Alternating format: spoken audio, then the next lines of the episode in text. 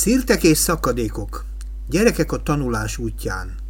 Gyarmati Évával az elsajátítás folyamatáról 2018. február végén beszélgettünk.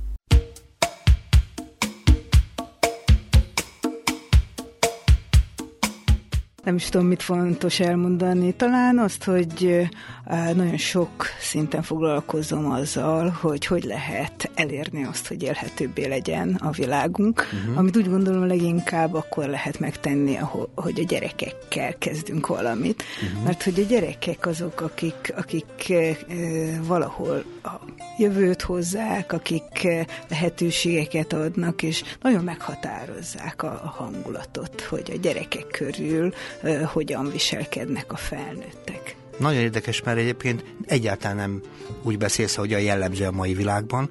Neked fontosak a gyerekek. Azért biztos nem vagyok ezzel egyedül, de akinek a jövő fontos, annak a gyerekek fontos, hogy kell, hogy legyenek.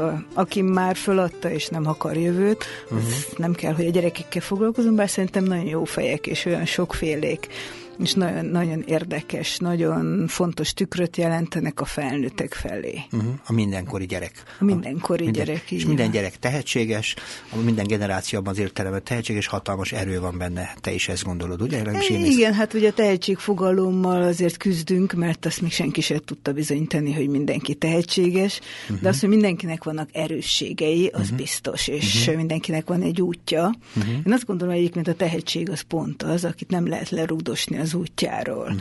Mert általában a éppen arról szól a világ, hogy mindenkit le akarnak rugdosni az útjáról, mindenki azt gondolja, hogy ha, ha mások az ő útján járnak, akkor jár ő a megfelelő úton, pedig nem igaz, akkor megy mindenki a saját útján, hogyha nem a, nem a másikét akarja, és nem akarja, hogy a másik az övén menjen. Csak ez egy bonyolult művelet, mert az azt a világot is kéne ismerni, az utakat is kéne ismerni, nem csak a magunkét, a másokét is, és ebben megtalálni az irányokat. Ez már maga a tanulás. Hát ha legalább a sajátunkat tudjuk, Tud, és igen, igen. mondjuk megpróbáljuk hagyni, hogy mások is a saját útjukat megtalálják. Nekem van egyébként a gyerekekkel kapcsolatosan egy fantasztikus élményem, nem túl régen találkoztam egy csomó két-három évessel. És döbbenetes számomra, mennyire gyorsan ragadnak meg benne kifejezések, szavak, olyan gyorsan tanul meg dolgokat, és roppantól irigyem ezt a generációt, ha belegondolok a mostaniba, az a mostaniba, de szeretnék ilyen gyorsan tanulni, megragadni, megtanulni dolgokat, amennyire a két-három évesek, nem tudom, mit gondolsz erről mindig ilyen gyorsan tanultak a két-három évesek, uh-huh. csak most sokkal több minden van, amit megtanulhatnak. Egyszerűen nagyon sok inger veszi körül a gyerekeket, uh-huh. sokkal gazdagabb a világ körülöttük, tehát eh, az, az agyuk, ami nagyjából nyolc éves korig egyébként ilyen szívfelbegyen módban működik, uh-huh. sokkal több táplálékot kap, uh-huh. sokkal több lehetősége van, és úgy tűnik, hogy ezért ők okosabbak. Én azt mondom, hogy, hogy másképp okosak. Uh-huh. Nagyon meg megváltozott világban, ő nekik lehetőségük van, hogy gyorsabban töltődjenek, és ezzel egy ilyen hatalmas tudásszerűt tudnak felépíteni. Ugyanakkor azért régebben is ugyanígy töltöttek a gyerekek, csak akkor kevesebbet, de azt mélyebben. Uh-huh. Tehát mhm. könnyebb volt sokkal mélyebben, alaposabban felépíteni mindazt, ami régebben? körülöttük Tehát volt. most szélesebb a spektrum, de viszonylag nem olyan mély, mint a régebben, ezt mondod? Í- így van, így uh-huh. van. Tehát nagyon más a, a képesség szerkezete is a gyerekeknek. E, azt lehet mondani, hogy, hogy most egyre inkább ilyen szírtek és szakadékok a gyerekek, önmagukon uh-huh. belül is, uh-huh de egymástól is nagyon különböznek, pont azért, mert egy ilyen nagyon széles információs terepen uh-huh. mindenki telehabzsolhatja magát az érdeklődésének indítatásának, mondjuk úgy az útjának megfelelő uh-huh. táplálékkal, ismeretekkel, készségekkel, rengeteg mindent lehet csinálni, annyi élményt lehet összeszedni, hogy Bizonyos dolgok viszont elég könnyen kimaradnak ezáltal, ami ugye régebben, mikor kevesebb volt, jobb eséllyel, mert hát valamit kell csinálni, akkor a mesét hallgatom, akkor most ezt sem azt csinálom, amit a többiek is csinálnak, és ezért homogénebb volt az a csoport, aki az óvodában, iskolában szépen ment együtt uh-huh. előre. Most meg az van, hogy egyik gyerek ezt szeret csinálni, a másik gyerek azt szeret csinálni, és már nem kellenek a felnőttek. Az a uh-huh. csodálatos, hogy felnőtt ismeretek nélkül is hozzájutnak a gyerekek az ismeretekhez. Nem kell felolvasni. Uh-huh. A YouTube-on, DVD-ken, ott van rengeteg információ videókban, amiről ugye sokkal több információt le tud szedni, uh-huh. mert egy kép száz szóval is felér, hát a mozgóképek, meg hát a számtalan szó. Igen, csak ha belegondolok abba, hogy erőteljesebb a képi, és az úgy tetszik ilyen szempontból a képzeleti munkára is alkalmasabb ismeretek, az mennyire hogy is verbalizálható. Tehát valószínűleg a szavak viszont kevesebbek. Tehát az a vélelmem most itt, el, amit itt mondtál, hogy az a valószínűség, hogy akkor kevesebb szóval rendelkeznek a gyerekek, kevésbé képesek ezt artikulálni, és kevésbé összevetni másokkal. És ugye az a fajta művelet a gondolkodásokban, ami összevetés, hogy egymásból tulajdonképpen kicsit pontosítjuk azt a dolgot, és rendbe hozzuk, ez a művelet egy kicsit szegényesebb, rosszul gondolom? Nem, teljesen így gondolom én is, és hát a vizsgálatok is azt mutatják, hogy hogy a verbalitás azért közel sem olyan kidolgozott, mint uh-huh. annak idején volt néhány évtizeddel ezelőtt is akár, ami azt jelenti, hogy a gyerekek sok mindent átlátnak, de ezeknek a részleteit, a megfogalmazása, az elemzése nem annyira precíz. És uh-huh. tulajdonképpen itt találkozik össze az a probléma, hogy az iskola még mindig olyan gyerekeket vár, akik nyelvileg egy X szinten vannak, ahol az X az még mindig megfelel annak, ami a 20. Uh-huh. század közepén vagy ele, elején uh-huh. volt jellemző, és hát a, ez már régen nem az az X, tehát egészen más szinten van. Akkor hogy megy az interakció? Tehát tulajdonképpen én szerintem ennek a világnak egyik legfontosabb része maga a kommunikáció, ami tulajdonképpen cserét jelent, ismereteket, mindenféle egyebeket, érzéseket, mindenféle dolgot küldünk oda-vissza. Akkor hogy megy ebben a generációban belekaptunk a kellős mhm. közepébe, hogy megy a, hogy megy a csere? A verbalitás ugye nem tűnt el, sőt a, ugye a gyerekek állandóan csetelnek, ugye mhm. ez már eleve egy ilyen uh-huh. e, inkább csevegés, tehát látjuk, hogy, hogy itt is a felületesség e, ott van benne, hogy, hogy hát úgy mindenről el, elbeszélgetünk, elbeszélgetünk, uh-huh. és a, mm, hogyha ezeket megnézzük, ezeket a szövegeket, ezekben is tele van ilyen jelölés, ugye hát már, már mindenhol ilyen ikonok és emoikonok, uh-huh. mindenhol ott vagy, vagyunk, olyan kis képekkel, amik megint miről szólnak, hogy, hogy ott van egy smiley. Most egy smiley ezer mindent jelenthet. Uh-huh. Tehát talált ki. Uh-huh. Tehát mhm. ilyen, ilyen egészlegesen, holisztikusan az érzéseket közvetítjük, és az érzések sose voltak olyan precízen átadhatók, uh-huh hogyha a nyelv nem volt ott segítségnek, mint uh, ahogy ugye láttuk, hogy az írásbeliség során ezt sikerült elérni. Hmm. Most ez egy másféle megközelítés, és sokkal inkább a, a képi uh, meg, uh, információ átadás és a képi megfogalmazás az, ami vezetőbb kezd lenni. Akkor belekaptam abba, amit mondtál, hogy oké, okay, hogyha ez így megy, érzések mennek egymás felé, az egyébként sok esetben segít nekünk, hogy hova tartozunk, hogy kikhez tartozunk. Tehát ha valahova tart, az érzések az tulajdonképpen igen fontos, hogy tetszik közlekedő eszköz, és hogy az ember, ha megéli azt, hogy kivel érez köz, azonosságot, vagy kivel érez valami fajta távolságot, az egy biztonságosabb következményt jelent, vagy legalábbis tudjuk, hogy kihez mik a viszonyunk. Régebben ez nem feltétlenül így volt. E, igen, hogyha, hogyha ezeket az érzéseket meg tudjuk fogalmazni. Csak itt igen, és akkor probléma, megint a, szavak, a oda, uh-huh. hogyha ez csak egy homályos érzés, akkor a bizonytalanság mindig ott lesz. Uh-huh. Tehát az az elemző gondolkodás, ami, uh-huh. ami jellemezte már nagyon az emberiséget, sőt, már túl elemző gondolkodás, uh-huh. az azért egy fontos része az ember gondolkodásának, és erre nagyon kell vigyázni vigyázni. Uh-huh. A, persze az is baj, hogyha már csak az marad, tehát a tiszta uh-huh. racionalitás, uh-huh. és most pont azt éljük meg, hogy a fekete-fehér gondolkodást félre kell tenni, uh-huh. és a dolgok nem jók vagy rosszak, nem ilyenek vagy olyanok, hanem valamire jók, valamire nem jók, és hogy milyen arányban mire kell például. Relativit, relativizálódik a dolog? E, e, mindig is relatív volt. Tehát uh-huh. csak, hogy mondjuk nézzük, a, a művészetben is van elemzés, mhm. vannak uh-huh. nagyon konkrét szabályok, tehát hogy, hogy akárhogy is, de több az érzelem, több az érzés, uh-huh.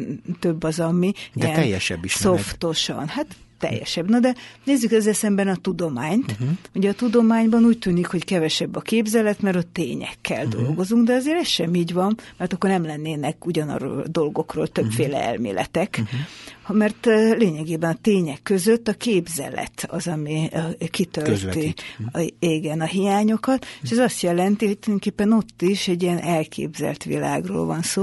A művészetben a, sokkal inkább a képzelet van túlsúlyban, és kevesebb az, ami tudatos, és fordítva van a, a tudományban és hát lényegében az emberiségnek a, a képzelete lehet mondani, így a művészet, uh-huh. és amit a művészek meg tudnak fogalmazni, azt meg fogja tudni a tudomány és alkotni. Ugyanígy az embernek is, ha valamit meg akarok alkotni, akkor el kell képzelnem. Uh-huh. És hogyha el tudom képzelni, akkor tudom megcsinálni. Annélkül uh-huh. nem tudom megcsinálni. Viszont, hogyha elképzelem, az kevés. Uh-huh. Ha, ahhoz, hogy megcsináljam, ahhoz precízen, szépen, elemzően végig Tehát újra kezekre van szükség. E, a, igazi e, hát irányokra, e, uh-huh. megoldási módokra, szabályokra, amik e, valóban a megvalósítás. Tehát ezzel akartam prób- azt megmutatni, hogy ez a kettő, az ez nem válik el, uh-huh. és egy egyáltalán nem jó nekünk, ha most a, csak a, megint az érzelmek felé és érzelmi szinten akarunk kezelni mindent, ami a világban van, de az se jó, hogy ott maradunk abban a racionalitásban, kategorizációs szabályokban, rendelő világban, ami már a 20. században nagyon előre haladt.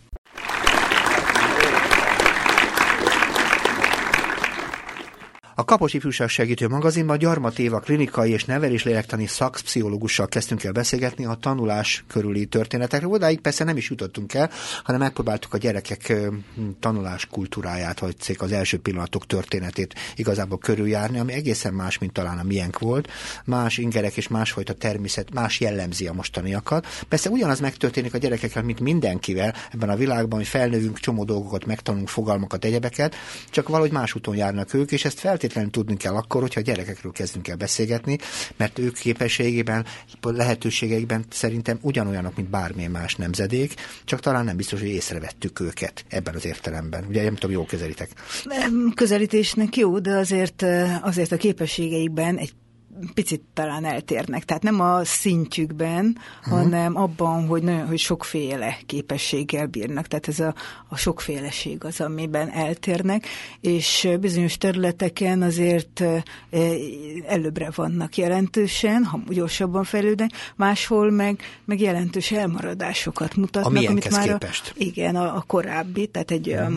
néhány évtizeddel ezelőtti, már a tíz évvel ezelőtti vizsgálati adatok adatokat is, hogyha nézzük, gyönyörűen látszik, hogy bizonyos részképességek messze nem úgy fejlődnek most, mint akkor. Uh-huh. Tehát a, az akkori eh, gyerekeknek az adatait összevetve mostaniakkal döbbenetes, hogy jelentős különbségeket látunk, és eh, van olyan teszt, amin már gyerek nem megy át, uh-huh. mert hogy hát át kell kalibrálni, és ez egyre inkább így lesz. Például a, a gyerekeknek a beszédhang kitisztulása, uh-huh. az rendesen két évet megkésik. És sokkal több gyereknek nem is alakul ki egyáltalán még nyolc éves korra sem. Most gondoljuk meg, hogy, hogy ezzel fog ő nem csak beszélni, hanem írni, olvasni, tanulni, mikor nincsenek meg a hangok. Uh-huh.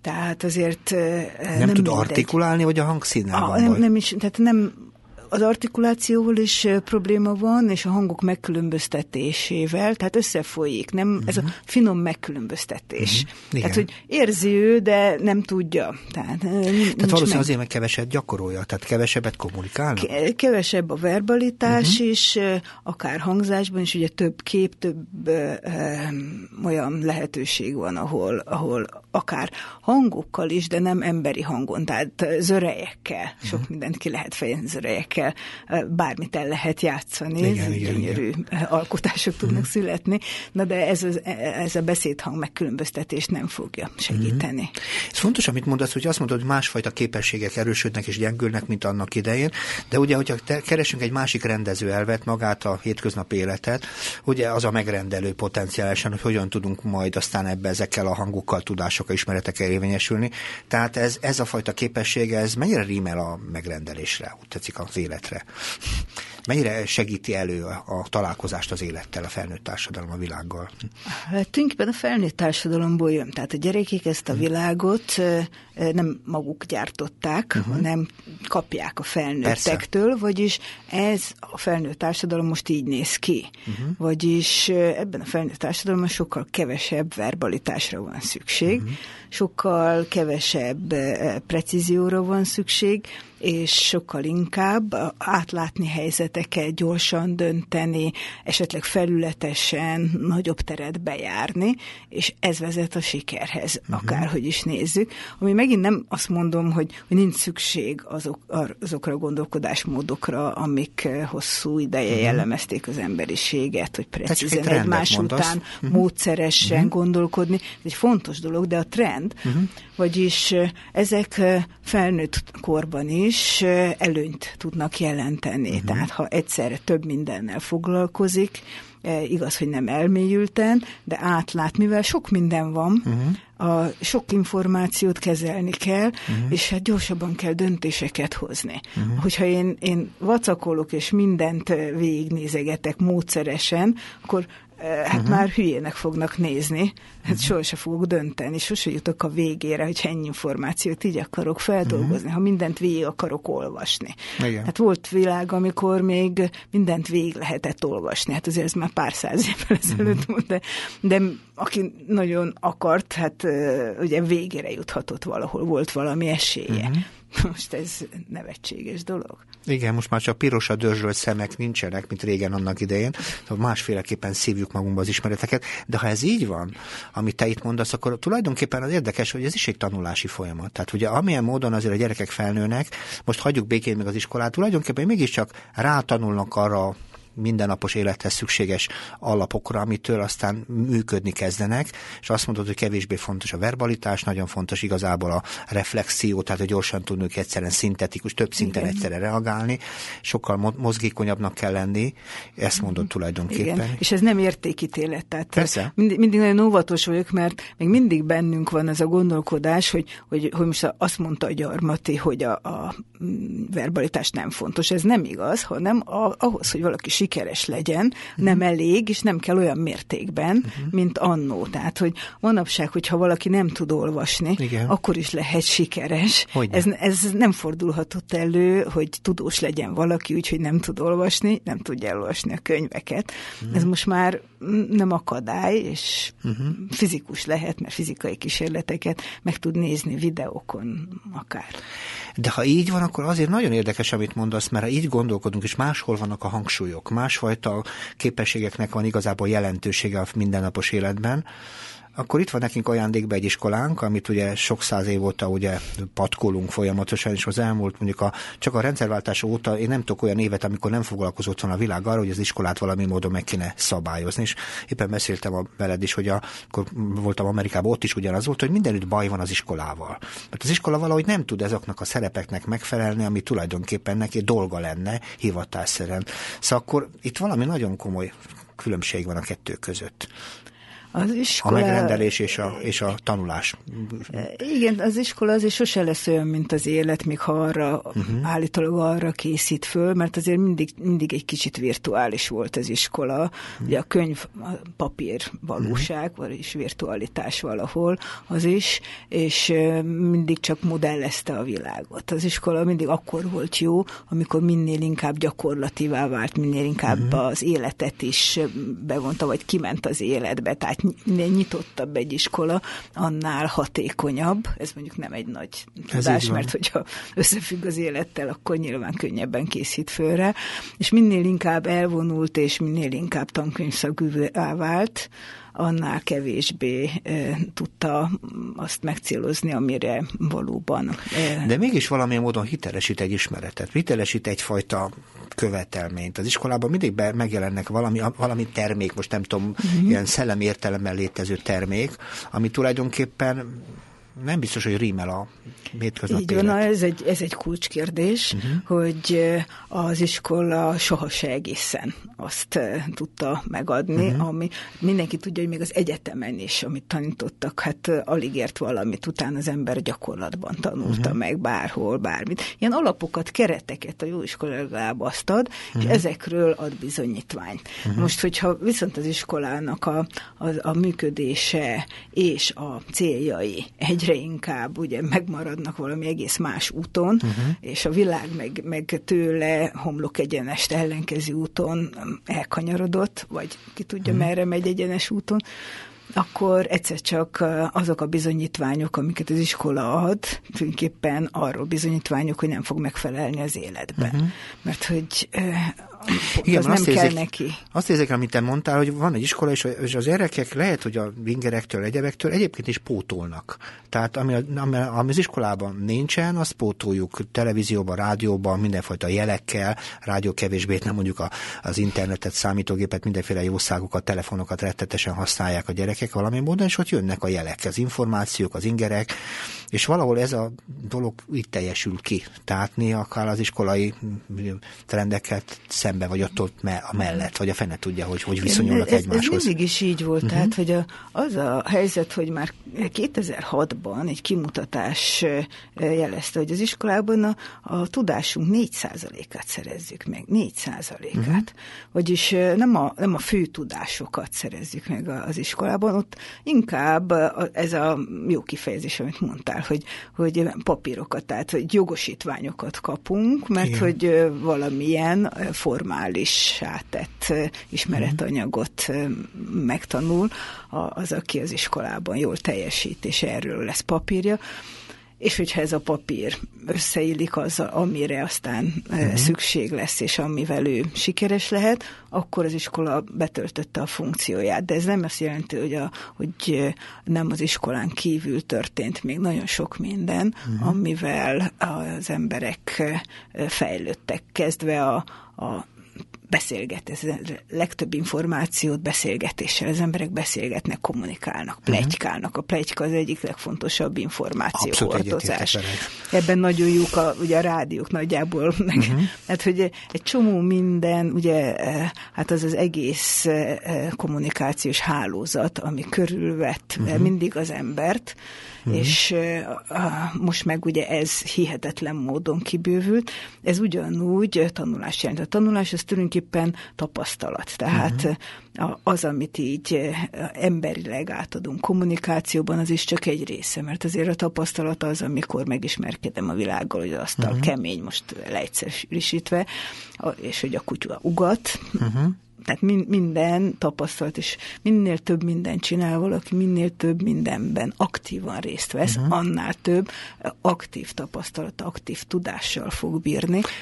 De azt mondtad az elején az első részben, hogy itt sokszor képzeleti munka is van. Tehát a tapasztalatot nem feltétlenül csak megéljük, hanem képzelet segítségével, hogy tetszik, is tudunk tapasztalatokat szerezni, ha másoktól olyan ingereket tudunk kapni, ugye, és így bővül az ismeretünk. Így van, tehát hogy, hogy ha már maga az információ felvétel is egy képzeleti munka, mert az, amit kapunk a világból, azt a fejünk összerendezi, Igen. és egy valamilyen sémára uh-huh. bedolgozza. Ezért, hogyha ketten megnézünk egy kutyát, uh-huh. azt mi különbözően fogjuk látni. Ez a tanúvallomásokról szokott nagyon kiderülni, ez egy feszült helyzet, hogy ugyanazt látta két tanú, uh-huh. és a fejében egész más jelenik meg. Tehát már az is egy képzeleti munka, hogy megtapasztaljuk a világot, uh-huh. tehát maga a tanulás is.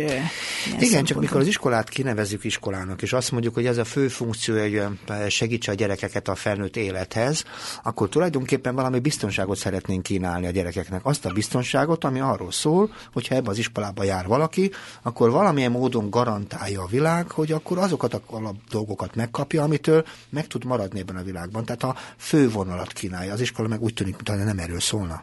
Hát most már egyre kevésbé, uh-huh. és ugye e, mondjuk egy egész konkrétum, nézzük a nyelvvizsga uh-huh. bizonyítványt, ami nyelvvizsga bizonyítványra pénzt adtak, ugye, mert hogy az egy nyelvpótlékot kapott arra valaki. Uh-huh. Most is ugye hát megy a mizéria nyelvvizsgák környékén. Közben ugye az történt, hogy a nyelvvizsgák már rég nem fedik le a nyelvtudást. Így van és tulajdonképpen csak arról szólnak, hogy, hogy hát ott valamit valamilyen módon meg tudott tenni, és egy csomóan, akinek nyelvvizsgája van, nem tudnak kommunikálni, nem tudják használni a nyelvet, és egy csomóan, akik például diszlexiások, egy legkedvesebb sztori, mikor egy Angliában felnőtt diszlexiás fiatalember nem tudott itt Magyarországon nyelvvizsga bizonyítványt szerezni. Perfekt angolul tud, de hát a diszlexiájával ugye a teszt, a helyesírás, hát nem volt.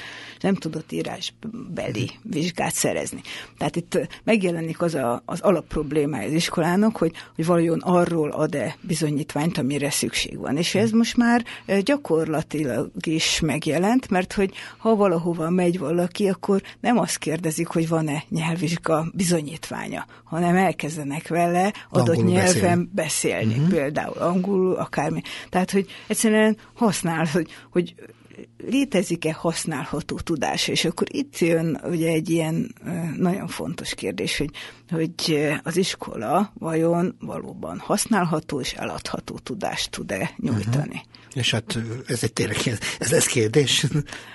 Hát, ha pedig, ha ez kérdés, akkor az iskola még nem töltötte be a funkcióját. Így van, így van. Ez ugye melyik iskola, iskola milyen mértékben képes uh-huh. ezt megtenni, és szerintem ebben nagyon különböznek az iskolák, és a szülők ezért keresik a, a, az alternatív iskolákat, uh-huh. mert egyre inkább vesztik el a hitüket abban, hogy a nagy közoktatási zsák az alkalmas arra, uh-huh. hogy el eladható és használható tudást ad.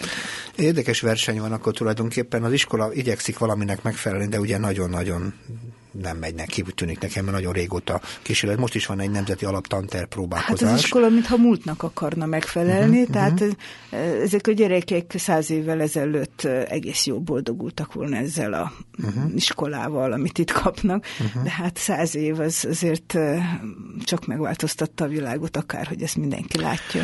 Akkor ez is azt mondott tulajdonképpen, hogy ma a gyerekek, akik érvényesülni akarnak, akkor az iskola mellett bizonyos sok erőfeszítés kell ahhoz tenniük, hogyha az életben el akarnak, meg, meg akarják találni azt, amit szeretnének, hogy az iskola mellett össze kell szedni minden olyan dolgot, ami nekik majd kell ahhoz, amit esetleg álmodnak, vagy feltételeznek, tehát be kell dolgozni a saját életébe külső dolgokat, mert az iskola ebben nem mindig partner. Az iskola nem partner, de én most már lassan úgy vagyok vele, hogy nem is bánom. Uh-huh. Mert hogy nagyon fontos az, hogy a gyerekek felépítsék a saját világukat. Pontosan, amit mondasz, hogy, hogy a, a, azon gondolok, hogy mi az álma, és ehhez most már mindenhol meg lehet még formálisan is találni a tudást. Tehát online kurzusok vannak, elmehet ide-oda tapasztalatot szerezni. Uh-huh. Nagyon sok olyan lehetőség van, ami adja az utat, uh-huh. hogy tanulhasson. Tanulni most már sokkal könnyebben lehet, nem formális módon, és, és hát ilyen félformális módokon. Igen, de ha így van, akkor óriási különbségek vannak gyerekek és gyerekek Igen. között, mert a feltételek, a körülmények, az ingerek tulajdonképpen az, ahogy hozott anyagból, tehát abban uh-huh. a családi környezetben, vagy azokban az inger környezetben, amit a család körül van, ebben nagyon nagyok különbség van Magyarországon az emberek között, uh-huh. és akkor nem beszéltem az alapadottságairól a gyerekeknek, ami egy különböző. Így van, e- ez egy kulcs probléma, és ez a hazai oktatásnak a, a legrosszabb e, pontja, a legrosszabbja, hmm. hogy egyszerűen képtelen, nem az, hogy, hogy ki, valamit is kiegyenlíteni, hanem sokkal inkább ki, arra képes, hogy még növelje a különbségeket a gyerekek között, hogy akinek van, annak több lesz, hogy ez a Máté evangélistáról elhíresült hatás, ez, ez itt nagyobbá válik, mert hogy bizony, az, ahol úgyis ott a lehetőség, azokat meg lehet lovagolni, azokkal sokkal előbbre lehet menni, és viszont az oktatás nagyon nem tölti be abban a szerepét, hogy összehozza a lehetőségeket azoknak is, akik úgy von Haus otthonról nem uh-huh. jutnak hozzá pedig ha valahol itt lehetne tenni. Tehát nem integrál növeli a tulajdonképpen, elmélyíti tulajdonképpen különbségeket, ezt mondod? Elmélyíti a különbségeket, és hát tulajdonképpen megél a, abból, hogy a szülők megdolgoznak rendesen a gyerekek tudásáért, és nem az iskola adja, hanem egyre inkább már kívülről szerzik be a gyerekek.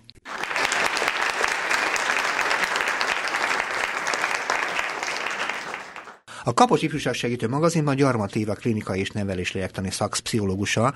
Arról kezdtünk el beszélgetni, hogy mi veszi körül ezt a tanulást önmagában a gyerekek felnőtté válását. A nagyon pici korral kezdtük, mert azt mondtuk, hogy abban egészen másfajta dolgok jelennek meg a mi időnkben is, a gyerekek idejében, és ezt kell tudni egyébként a világnak, hogy igenis változnak ezek, a, ezek az első időszakos élmények, ugye más percepciókban működünk, de ettől ugyanazt a dolgot fogjuk befutni, mint mindenki, ezt feltétlenül tudni kell, és arról kezdtünk el beszélgetni, hogy ez ilyen, milyen követelményeket alakít ki ez a világ a gyerekekkel szemben, mert ők tulajdonképpen kiolvassák a világból azt, ami számukra feladat, ők eltanulják ezt a világból, és erre még van nekik ajándékként egy iskolájuk is, az az iskola pedig arról beszélgettünk, hogy mennyire sokat küzd azzal a szereppel, amivel, ami, ami arról szólna, hogy ő hitelesítsen egy nagyon fontos követelményt, mégpedig azt, hogy hogyan kell majd sikeresen felnőtté válni, és ebben nem biztos, hogy be tudja ezt a szerepét most tölteni, minden kísérlet ellenére. Én drukkolok, a, akik ezzel foglalkoznak, hogy sikeresen végezik ezt a műveletet. Fontos lenne azért. De mellette a gyerekeknek ezzel együtt élni kell, és a gyerekeknek ettől még ugyanúgy fel kell nőni, és ma azért a sok szülő egy nagy erőfeszítése arról szól,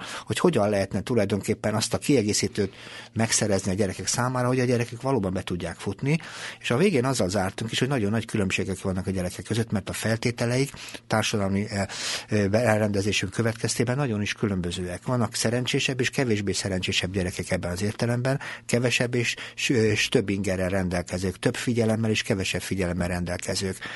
Ráadásul, hogyha az gyerekek ugye alapképítésben ugye nagyjából hasonlók, de van egy csomó gyerek, akinek még az alapképítésével is sok gond van, mert egészen más természetűek, más képessége erősebbek, sokkal mozgékonyabb, valamit nehezebben tanul meg, és akkor ebből lesznek aztán diszlexiások, vagy ebből lesznek aztán hiperaktívak, ugye? Nem tudom, hogy jól kezítem. Igen, most már ugye egyre több gyerek kapja meg ezeket a diagnózisokat, uh-huh.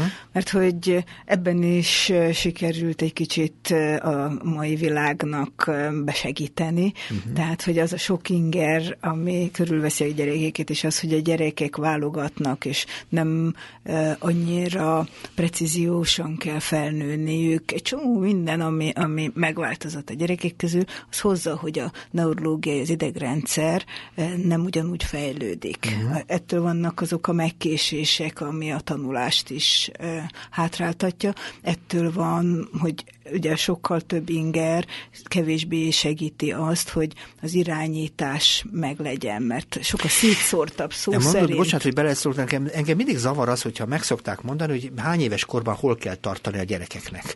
Szóval... Igen, ez engem is zavar. és ugye olvasok könyveket, és szegény szülők szerintem görcsölnek, akkor a gyerekük nem tartott, és nem győzöm a kollégáikat itt-ott idézni, a kollégáidat idézni, akik pont azt mondják, hogy talán később is megérkezik a jó kommunikációs képesség, a fogalmi gondolkodás egy kicsit másként alakul. Nem tudom, és az iskola meg bizonyos szempontból elvár korosztályhoz követelményeket. Csak bocsánat, hogy beleszóltam ebbe. Tulajdonképpen ez a kategorizációs gondolkodás jellemző az iskolába, hogy mit kell tudni egy elsős gyereknek, uh-huh. aki hat éves, akkor egy hét évesnek, nyolc éves, stb. Ami hát nem így van. Tehát, hogy nem uh-huh. így működnek a gyerekek, és most ezt kenni orrunk alá ez a kultúra, azzal, uh-huh. hogy a gyerekek még sokfélében fejlődnek, tehát a fejlődésük uh-huh. egyre jobban eltér. Tehát miközben egyre több gyerek nem tud nyolc éves korára sem megtanulni olvasni, egyre több gyerek megtanul három évesen olvasni, uh-huh. mert az ingerek elérhetők, és hogyha az ő idegrendszere fogékony arra, tehát a belső adottságai uh-huh. eh, hamar érnek arra, hogy olvasson. Mert Jobban olvas... tud figyelni, hogy fogalmazunk ki Hát a figyelem is, az, az egy része, de az egy egyszerűsítés, igen, de nagyon sok részképességnek kell megérni, uh-huh. És az egyénenként nagyon különböző, hogy milyen sebességgel, milyen életkorban uh-huh. érik meg. És hogyha ez megérik, akkor elkezd a gyerekek maguktól megtanulnak olvasni egyébként, akkor, amikor megérnek ezek a részképességek. Uh-huh.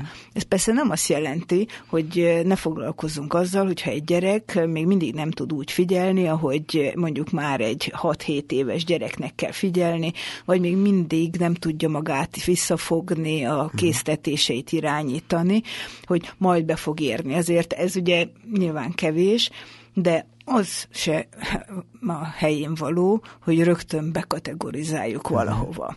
Tehát az odafigyelés, az értő figyelem, az azért nem azt jelenti, hogy diagnózist adunk. Így van, nem, legint kategóriába besuszakoljuk őket. Azért hoztam ezt, mert az előbb mondtad itt a diszlexiát, meg sok mindent, és túl gyorsan kapják meg a gyerekek itt ezt a fajta minősítést, és ugyanakkor nem történik velük nagyon sok minden.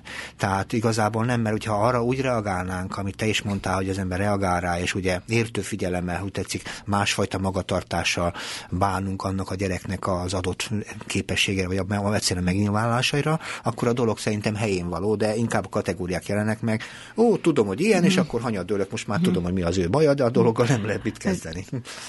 Így van, tehát hogy semmilyen módon nem segítjük se azzal, hogyha ha nem adunk diagnózist, se azzal, ha adunk diagnózist, ez egyik se segít, uh-huh. mert oda kell figyelni, hogy mi az, ami őt előre viszi, mi az, ami hiányzik ahhoz, hogy ő erre felé fejlődjön, és ez tulajdonképpen a mindennapi tevékenységben teljesen jól beépíthető, mert lényegében a mindennapi tevékenységekből hiányoznak azok az összetevők, amelyek fölépítik az idegrendszeri irányító funkciókat. Nagyon izgalmasat mondasz, de hogyan csinálja bárki is, aki esetleg érzékeli, az ő gyerekében nincs minden olyan, amit a mások hallanak, és hogyan tud egyensúlyban maradni, mert ő figyelne a gyerekére, de nem ismeri azokat a lélektan és egyéb specialitásokat, amelyek a gyerek fejlődésében van, de szeretne megfelelni az a gyerekekkel, kapcs- a gyerekekkel kapcsolatos követelményeknek, szeretne jó reagálni. Mire kell neki figyelni? Mi a rendező el? Hol, hol csinálja jól a szülő, és hol az, ahol hol csúszik el jobbra-balra? Ez érdekel. Először akkor nézzük meg ehhez, hogy, hogy mi az, amitől a gyerekek irányító funkciója, a precíziós működése nem működik uh-huh. annyira. Hát egyszerűen azért, mert, mert például csak néhány példát, és akkor ebből mindjárt látszik, hogy mi mindent lehet tenni. Világos. Tehát ott kezdődik, hogy, hogy például nem kell, tehát műanyag pohár van. Nem Igen. kell vigyázni. Egy csomó minden, eldobható világ van, az okos mosópor minden kimos, nem kell vigyázni a szép ruha, ugye, hogy, hogy hogy menjen. Egy csomó minden sokkal könnyebbé vált, ami nagyon jó dolog, de ugyanakkor elmarad a, az odafigyelés, figyelj arra a pohárra. Uh-huh. Tehát, hogyha a gyereknek figyelni kell valamire, mert üvegpoharat kap, mert még az iskolában is műanyag poharakat kapnak, és nem kell óvatosan lenni. Leesett, na és legfeljebb a legrosszabb, uh-huh. ami kiömlik. Tehát egy csomó minden olyan helyzetet nem kap meg a gyerek, ahol neki óvatosnak kell lenni, figyelnie kell. Uh-huh. Például bekerítik a, a játszótereket. És az anyukának se kell figyelni a gyerekre, a gyereknek se hogy meddig megy el. Uh-huh, Én tudom, a gyerekeimnek mindig meg kellett mondani, hogy attól a bokorig, ettől a bokorig, ettől. Menjünk vissza ez a pohárhoz. A gyerek leveri a poharat, akkor mit kell csinálni? Adni kell neki még egy poharat, kérdezem én.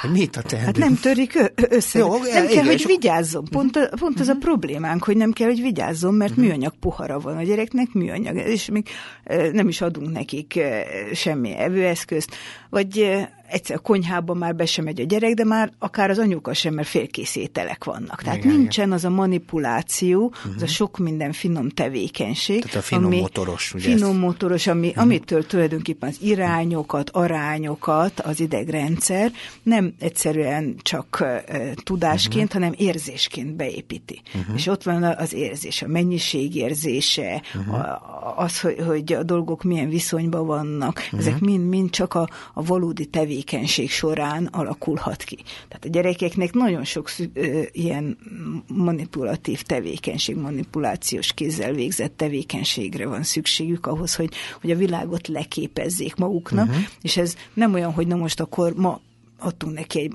üvegpoharat és vigyázott rá, hanem ez a minden nap. Tehát, hogyha azt szeretném, hogy a gyerekem precíziósan működjön, akkor minden nap őnek olyan környezet kell, ahol bizonyos mértékig oda kell figyelnie, vigyáznia, mert következménye van. Tehát, hogyha most e, azt csináljuk, hogy a műanyag pohár leesett, és akkor e, abból csinálunk nagy ügyet, az nem igazi következmény. Uh-huh, igen. Tehát e, tulajdonképpen az kell, hogy előre érezze a súlyát. Hogy De ha ez... többet nem kap pohára, az is bizalom megvonás, megvonás. Tehát az sem biztos, hogy jó. Tehát ha azt mondjuk, hogy nem kapsz többet, mert benned nem lehet bízni, nem tudsz egy pohárra se vigyázni, kisfiam. Az, az a legrosszabb, amit tehetünk, akkor már inkább uh-huh. hagyd dobálja le 20 és nem foglalkozunk. Ez még mindig jobb, mert legalább a gyerek lazán lesz ügyetlen, igen, de, igen. de ha még ezért eh, külön, eh, és hát tulajdonképpen már is leképeztük az iskola működését. Nem uh-huh. jól oldottad meg a feladatot, egyes, igen, fekete igen pont. Tehát, hogy nagyjából ez a, a büntető, minősítő, minősítő, igen, büntető igen. nevelés az, Tehát, ami hogy hogyan tudjon legjobban... jobban odafigyelni a gyerek a pohárra, ahhoz, ahhoz vele is személyesebben jobban kell oda. Most, most elvacakolok egy apró témán, de szerintem ez talán jól fejezi ki azt, hogy mennyire sokat kell odafigyelni egymásra kölcsönösen, hogy a változást el tudjuk érni, a jó változást, az őt erősítő változást. Lényegében tehát az, ahhoz, hogy a, a gyereknek az irányít, az önirányítása kialakuljon, uh-huh. ahhoz egyrészt ugye erre van szükség, hogy legyenek mozgásai. Másrészt viszont az önirányításhoz nagyon fontos, hogy legyenek szabályok. Uh-huh. Nem túl kemény szabályok, mert akkor megint beszorul, mint a ugye minősítő Betartható szabályok. Betartható szabályok, amit mondtam, hogy, hogy hát hogy be kelljen tartania, mert az, hogyha be van kerítve, uh-huh. akkor, akkor nem kell betartani a szabályt, mert a kerítés betartja mhm. helyette. Igen. Uh-huh. És a megegyezések. Ez pont két-három éves korban, amikor ezek a fékrendszer, az irányító funkciók uh-huh. érnek, akkor ezt, ezt úgy hívják, hogy dackorszak egyébként. Uh-huh. Ez a legalkalmasabb arra, hogy kialakítsuk a, a gyerekben az önirányítást. Uh-huh. Mert hogy a szabályok, a külső szabályokat fogja majd belül használni arra, hogy megtanulja visszafogni magát. Uh-huh. Épp ezért tulajdonképpen a dackorszakra mondhatjuk olyan, mintha gyakorolna. Uh-huh. Azért minden ellenkezik, hogy gyakorolja uh-huh. azt, a, a, azt az erőt. Ott a főszereplő én vagy vagyok, ugye mindig az én, igen, és az én az a gyakorlásról szól. Igen, tehát arról, hogy, hogy az én határait, az én működését, az én irányítását gyakorolja, és ebben kell ugye egy ilyen nagyon partner környezet, uh-huh. ahol megvannak a szabályok, ettől még a gyereket nem éri semmi szörnyű bántódás, de a szabályok betartását elvárja.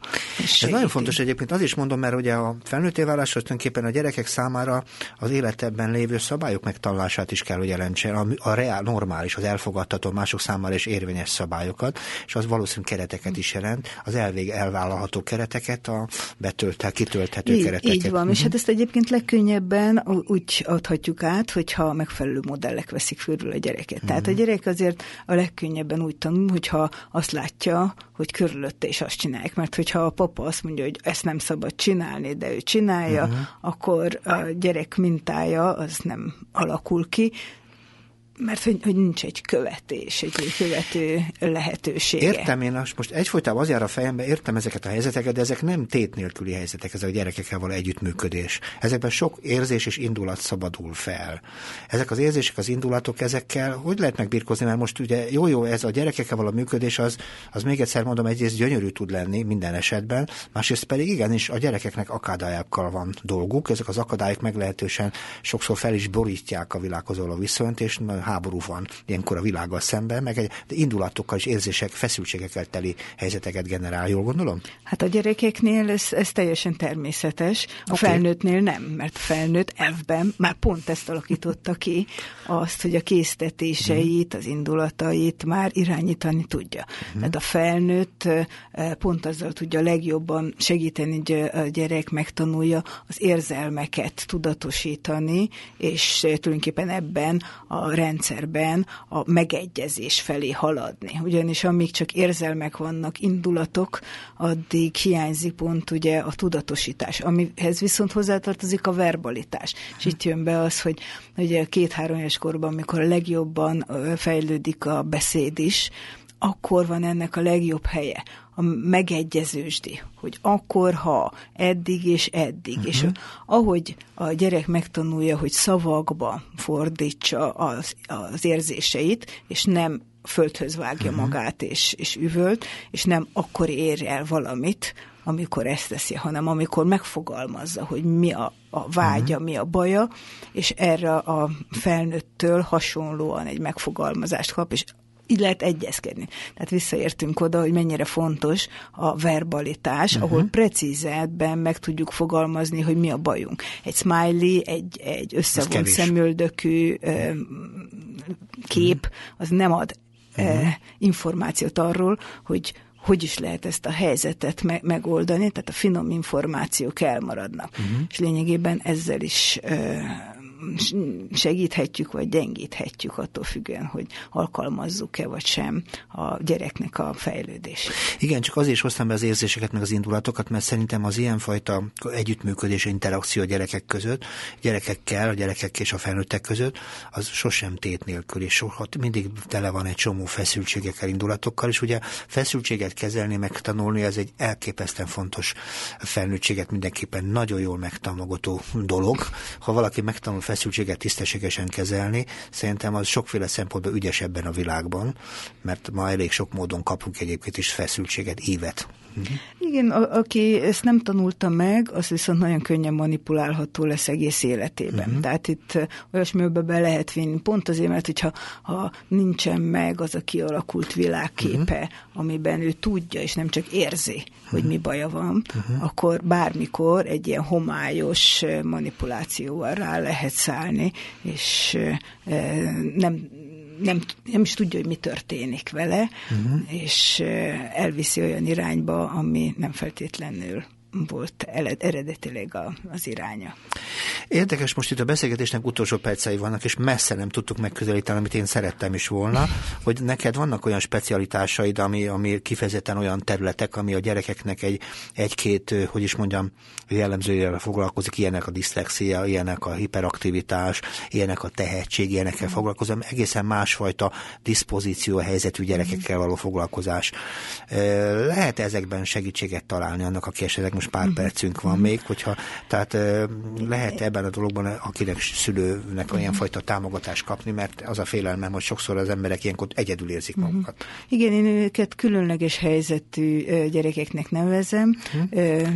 Általában ugye, hogyha ezekről van szó, ezek neurológiai eltérések, atipikus fejlődés. A tehetség is atipikus fejlődés, uh-huh. és lényegében ezek a gyerekek abban különböznek, hogy sokkal érzékenyebben reagálnak a környezeti ingerek változására. És most is ez történik. Azért jelenik meg egyre több tehetség, és azért jelenik meg egyre több tanulási zavar, mert ugye ezek a gyerekek sokkal inkább a, a környezet változásait valahol jelzik nekünk, uh-huh. tehát mutatják, hogy, hogy valamin változtatni kell, uh-huh. mert mindig a különlegesek hívják föl a figyelmet az eltérésekre. Tehát úgy gondolom, hogy, hogy ezeknél a gyerekeknél nagyon fontos, hogy mindazt, ami, ami a régi mindennapokban ott volt, sokkal jobban használjuk. Tehát sokkal jobban használjuk azt, hogy folyamatos tevékenységben, valódi tevékenységben, sok mozgással segítsük a gyerekek fejlődését, hogy megtalálják önmagukat, a szabályokat a mindennapokban. És hát ebben, amit a legbiztosabban tudok találni, az embernek az örök lehetőségei, mozgás, művészet, stratégia, játékok, ezek mindig is a legfontosabb kulturális eszközök voltak, amelyek ezeket az irányító funkciókat fejlesztették. Tehát, hogyha segíteni akarunk a gyerekeknek, minden gyereknek nagyon fontos, hogy minden nap ott legyen az életében mozgás, valamilyen művészet, valamilyen stratégiai játék, hogy az idegrendszerét harmonikusan tudja minden nap felépíteni. Nagyon izgalmas volt, és elképesztően meg se közelítettük még a témát. Annyi fajta mélysége van ennek az egész történetnek, de beszéltünk a tanulási zavarokról, Szerencsére keveset az iskoláról, hanem inkább a gyerekekről is, ezt én nagyon örültem, és remélem, hogy még lesz rá mód, hogy folytassuk ezt a beszélgetést, mert ezek rettetesen fontosak, és szerintem az oktatás lényegéről szólnak, a tanulásról, mert az oktatásnak a lényege a tanulás, tévedés elkerülése nem az oktatás, és ebben az értelemben azokat az elemeket próbáltuk citálni, ami ebben a lehető legfontosabb. Nagyon szépen köszönöm Gyarmat Évának a beszélgetést, remélem a hallgatóknak is tetszett nekem mindenképpen. Köszönöm technikai közreműködését Sereb Bencének a kollégámnak, és hallgassák tovább a civil rádiót. Szabó András hallották viszont hallásra.